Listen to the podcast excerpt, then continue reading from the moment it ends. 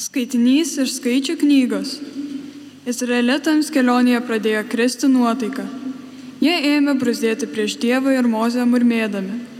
Kamgi jūs išvedėte mus iš Egipto?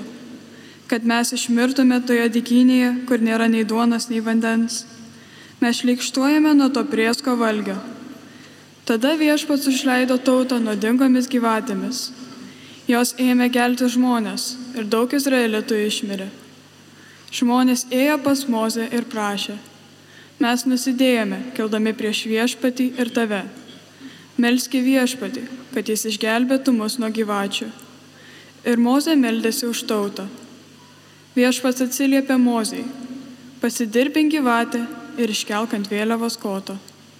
Kiekvienas įgeltasis pažvelgęs į ją išliks gyvas. Taigi Mozė padirbino išvarę gyvatę ir iškėlė ant vėliavos koto. Dabar, kas gyvatės įgeltas, pažvelgdavo į varinę gyvatę, išlikdavo gyvas. Tai Dievo žodis. Dėkojame Dievui.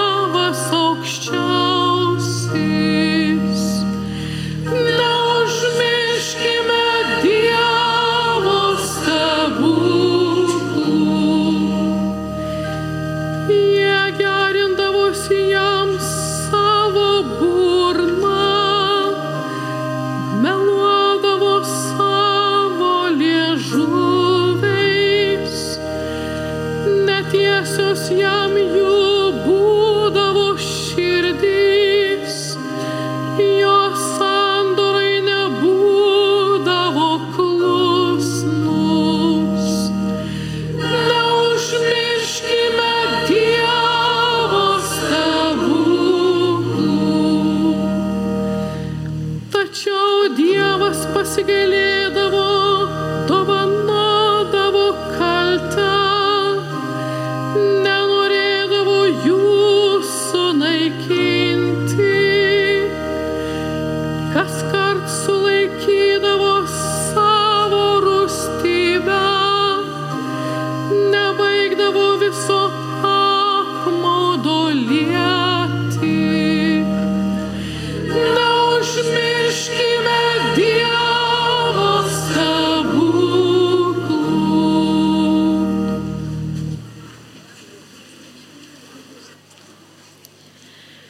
Skaitinys iš Ventojo Paštalo Pauliaus laiško filipiečiams.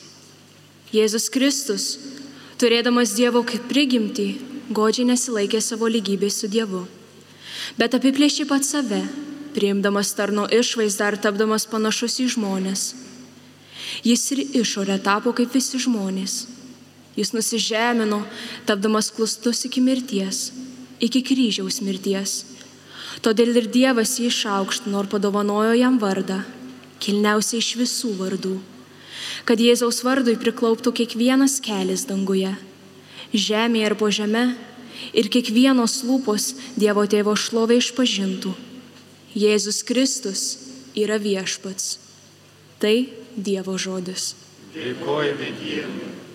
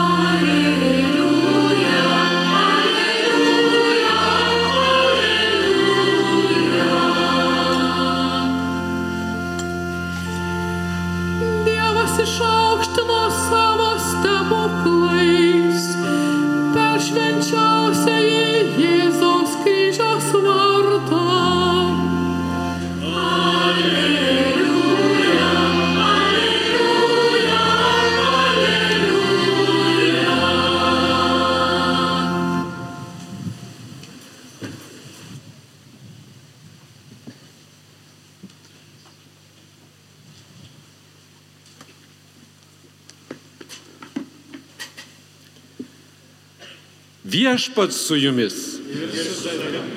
Iš Šventojios Evangelijos pagal Joną.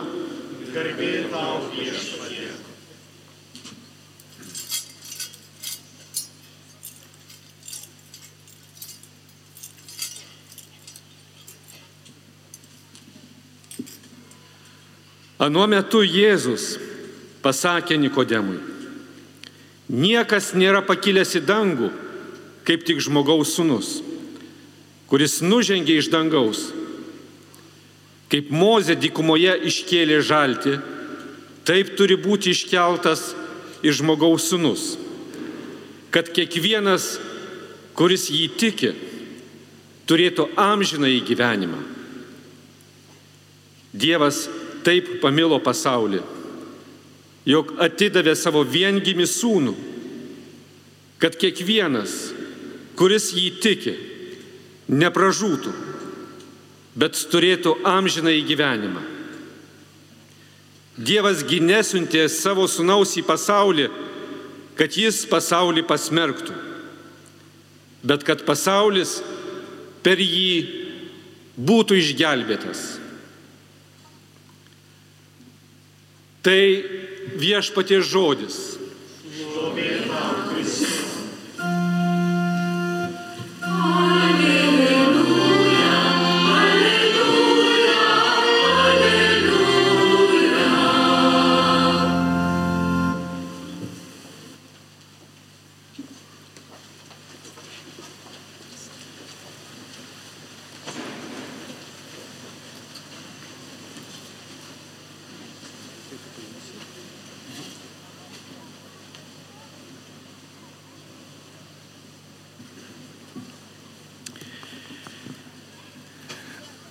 Garbiname tave viešpatie Jėzau Kristau ir šloviname tave, kad šventuoju kryžiumi atpirkai pasaulį.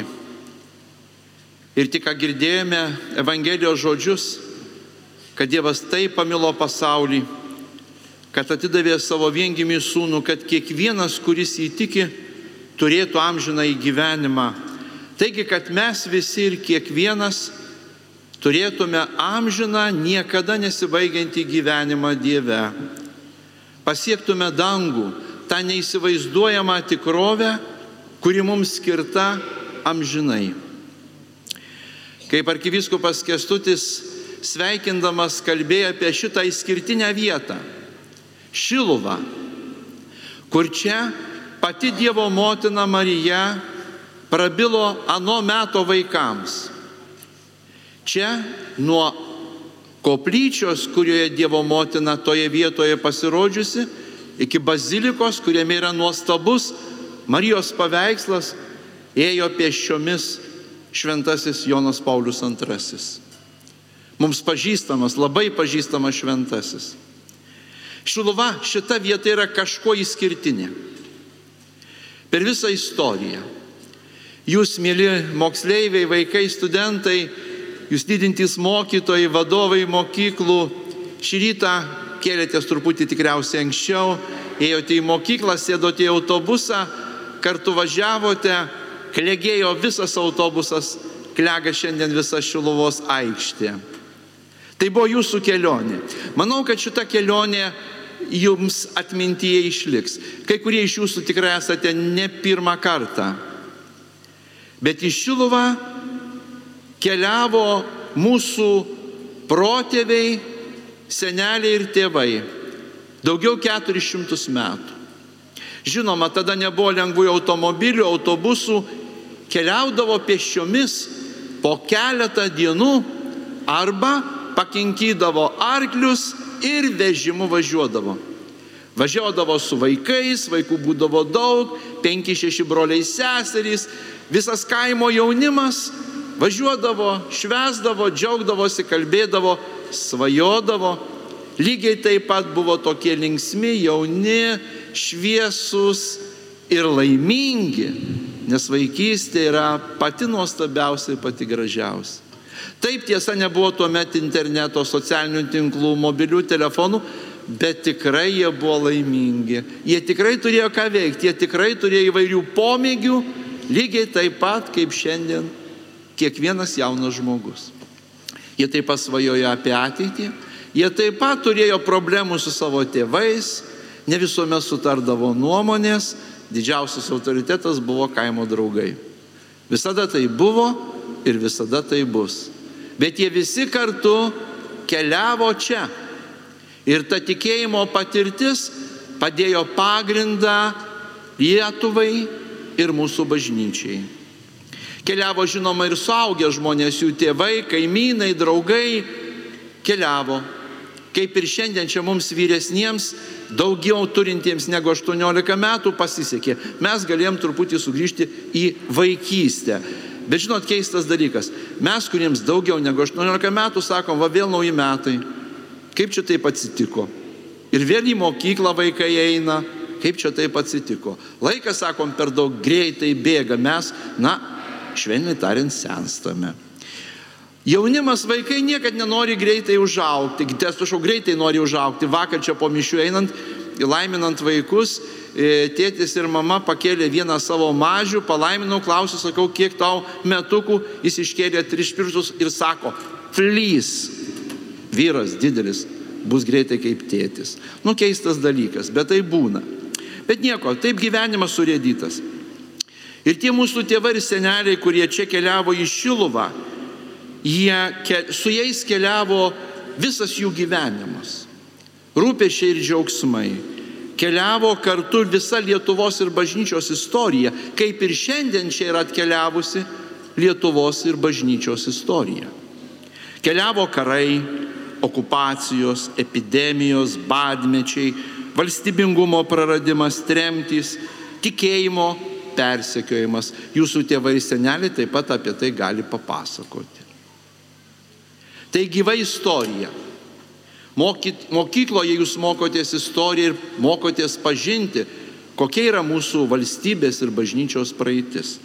Bet dabartį kūrėme mes šitoje vietoje. Ir labai svarbu, kad čia šiluvoje, būdami tikintys Dievą žmonėmis, jie sukūrė tai, kuo šiandien esame mes. Kad esame čia ir kad esame Dievą tikintys žmonės dėka jų tikėjimo. Šita vieta tikrai per visą Lietuvos ir bažnyčios istoriją buvo, yra ir bus įskirtinė. Na kodėl? Neįmanoma iš tą klausimą mums atsakyti. Dėl to, kad toks yra Dievo pasirinkimas. Tai buvo ir tai bus. Ir mes esame šitoje vietoje.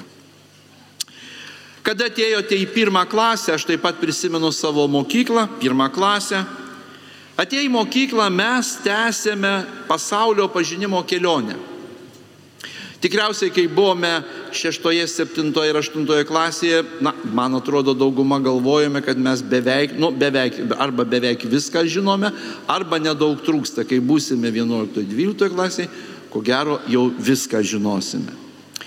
Paskui gyvenimas rodė, kad yra kažkaip truputį kitaip. Na, pirmiausiai pasaulyje atrasti ir jį pažinti padėjo mums tėtis ir mama. Na, kiekviena ir kiekvienas mes prisimename turbūt tokie kažkokį momentą, epizodą iš mūsų gyvenimo, kada mes save pirmą kartą prisimename. Kažkokia tai proga. Pirmas mūsų prisiminimas apie save. Turbūt iš vaikystės prisimenėme kalėdas, prisimename kalėdų eglutę, kalėdinės giesmes, mišes bažnyčioje, kalėdų dovanėlės, eglutę, kurią puoždavom ir laukdavome, kada parneš. Prisimename ir pirmą klasę. Bet tą atradimą pasaulio gyvenimo mums padėjo tėtis ir mama. Ji, šita kelionė buvo lydima jų meilės mums mes jautėmės mylimi ir saugus, žinojome, kad turime tėtį ir mamą. Jie stiprus, jie visuomet pasirūpins, jie mūsų yra tėvai. Žinoma, brestant, paauglystės metais, truputį kito mūsų požiūris, santykis, bet tai natūralu, praeis kiek laiko, taip pat tas santykis vėl keisis. Toks žmogaus gyvenimas. Mylėdami mus tėvai mums perdavė vertybės, perdavė kartu savo dorybės - mylėti ir gerbti kitą žmogų, būti teisingiams ir sąžiningiems, prisimti atsakomybę, sąžiningai ir gerai atlikti pavestą darbą. Čia taip pat namuose mes turbūt pirmą kartą persižegnome, gal tai padėjo kartais tėtis ar mama arba mūsų močiutė. Čia taip pat pirmą kartą sužinojome apie Dievą, pamatėme šventą paveikslėlį, paklausėme, o kas yra Dievas. Šiaip į vaikų klausimus, na, suaugusiems kartais labai keblu atsakyti, nes nemanykime, vaikų klausimai tikrai yra labai gilus ir dažniausiai neatsakomi nes juose yra kažkokia tai metafizika, kur vėliau mums suaugusiems būna per daug fizikos. Tokiu būdu tėvai mus ruošė gyvenimui, suaugusio žmogaus gyvenimui. Vaikystėje daug svajojome, svajojome kartu su kitais, su draugais, kiemo mokyklos draugais dalindavomis savo, savo patirtimis ir svajonėmis. Svajojome taip pat kuo būti. Baigę mokyklą, kai jūs baigsite gimnaziją, mokyklą, arba dabar jau galvojate apie tai, ką gyvenime veiksite, ką studijuosite, kai pasirinksite studijas kolegijoje ar universitete, kartu galvosite apie savo gyvenimą, apie jau suaugusio žmogaus gyvenimą. Jau nuo vaikystės kil, kylantis jums prasmės klausimai su metais padės dar labiau pažinti pasaulį. Ne tik įgyti žinių, bet taip pat dar prasmingiau klausti. Ir žmogus gali truputį patikrinti save, kaip jis gali kelti, kokios kelti prasmės klausimus. Žmogus iš prigimties yra smalsus. Viską nori žinoti, pažinti ir niekuomet pažinimo kelioniai nėra pabaigos. Žmogus tą sužinojęs ir pažinęs drąsiai keliauja toliau, prieš jį atviri pasaulio horizontai. Taip didieji keliautojai, būdami labai drąsūs, bet lygiai taip pat vedini pažinimo, žingeidumo, atrado kitus žemynus, nežinodami, kur plaukia, eksperimentuodami mokslininkai padarė visus atradimus. Tai per visą žmonijos istoriją vyko ir vyksta žmonijos civilizacijos kelionė. Visi šiandieniai mokslo pasiekimai yra kilę iš prigimtinio žmogaus gebėjimo protų pažinti, pažinti ir įgimto siekio atrasti naują. Taigi, mielas jaunime, mėly moksleiviai, jūs turite lygiai tą patį troškimą pažinti, žinoti, suprasti. Tačiau žmogus yra daugiau negu tik gebanti pažinti ir atrasti gyvą būtybę. Ir jums mokykloje, kolegijoje, vėliau universitete, moksleiviui, studentui, o vėliau mokytojui ar mokslininkui, bet taip pat ir kiekvienam žmogui kyla ir kils ir dabar jau kyla daugelėsni klausimai.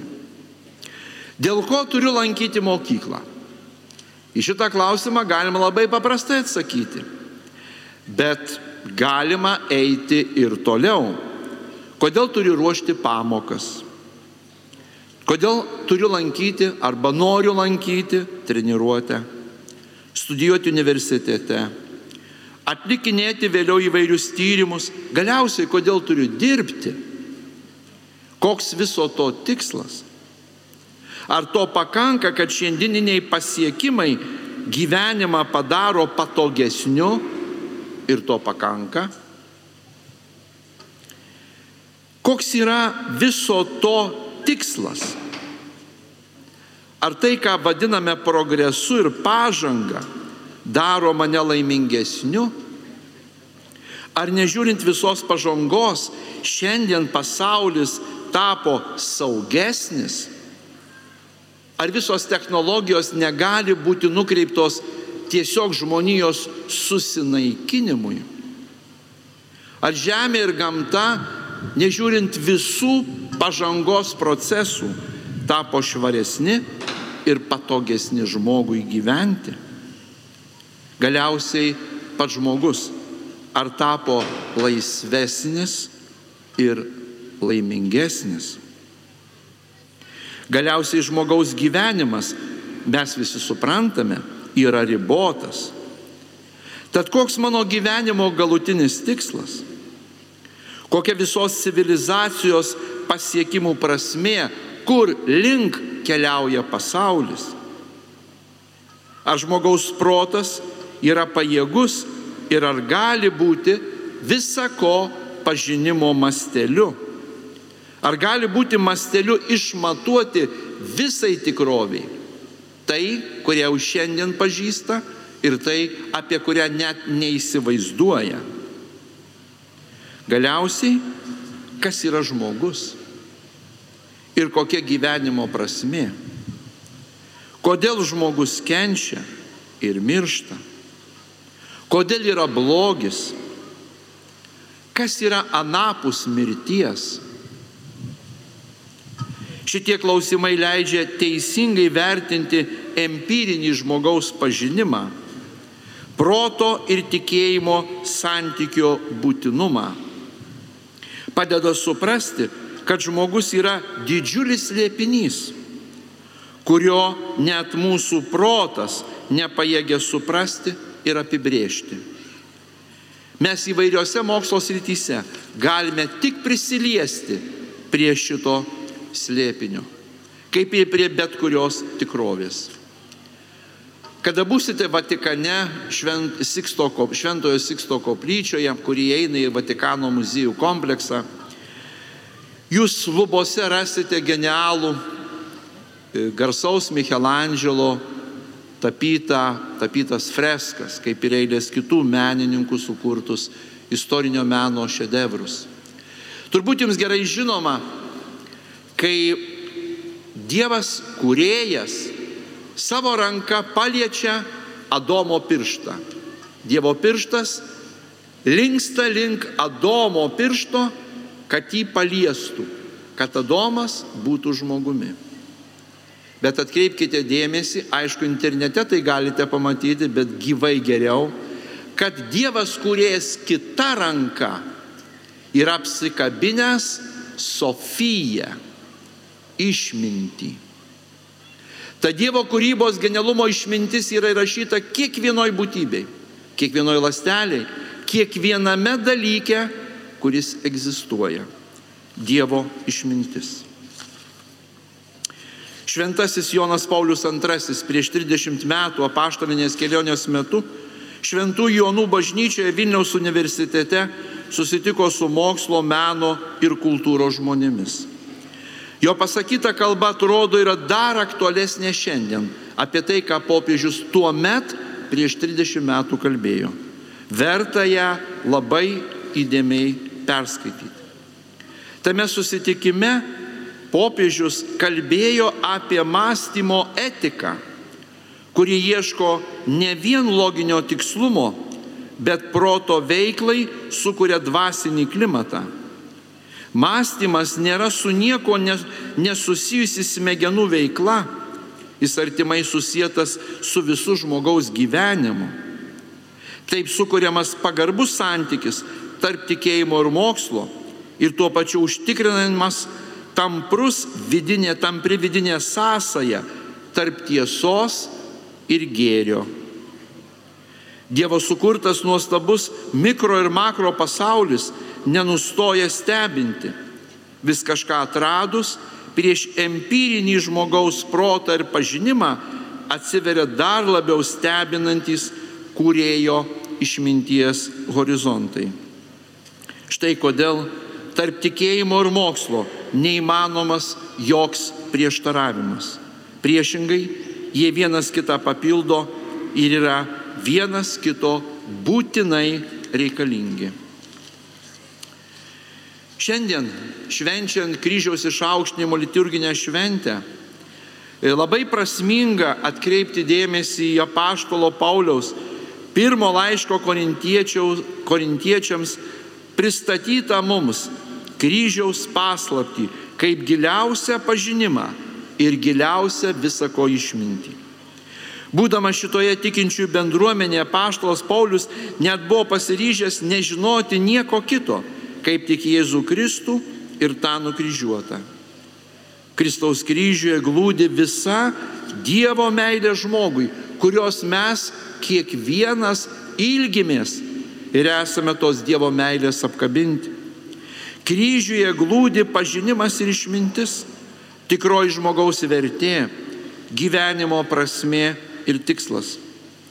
Visos žmonijos pastangos ir pasiekimus vainikuojanti pilnatvė ir prasme, kurios mes iš savo prigimties visi trokštame, net to ir samoningai nesuvokdami. Jame gelbstinti žmogų Dievo galybė, tikrasis išaukštinimas, prie visko, kas silpna, pasilenkianti Dievo meilė. Kristus ant kryžiaus pasirinko, kas pasaulio akimis žiūrint yra kvaila, silpna, žemos kilmės, kas paniekinta ir ko nėra. Ir mums tapo išmintimi, teisumu, pašventinimu ir atpirkimu, kad anot rašto, kas giriasi, girtusi viešpačiu. Ir šitoji kryžiaus išmintis ir galybė yra skirta visų mūsų išaukštinimui. Ir mus visus vedanti į neįsivaizduojamą žmogui tikrovę, ko akis neregėjo, ko ausis negirdėjo, kad žmogui į mintį net netėjo, tai paruošė Dievas tiems, kurie jį myli. Amen.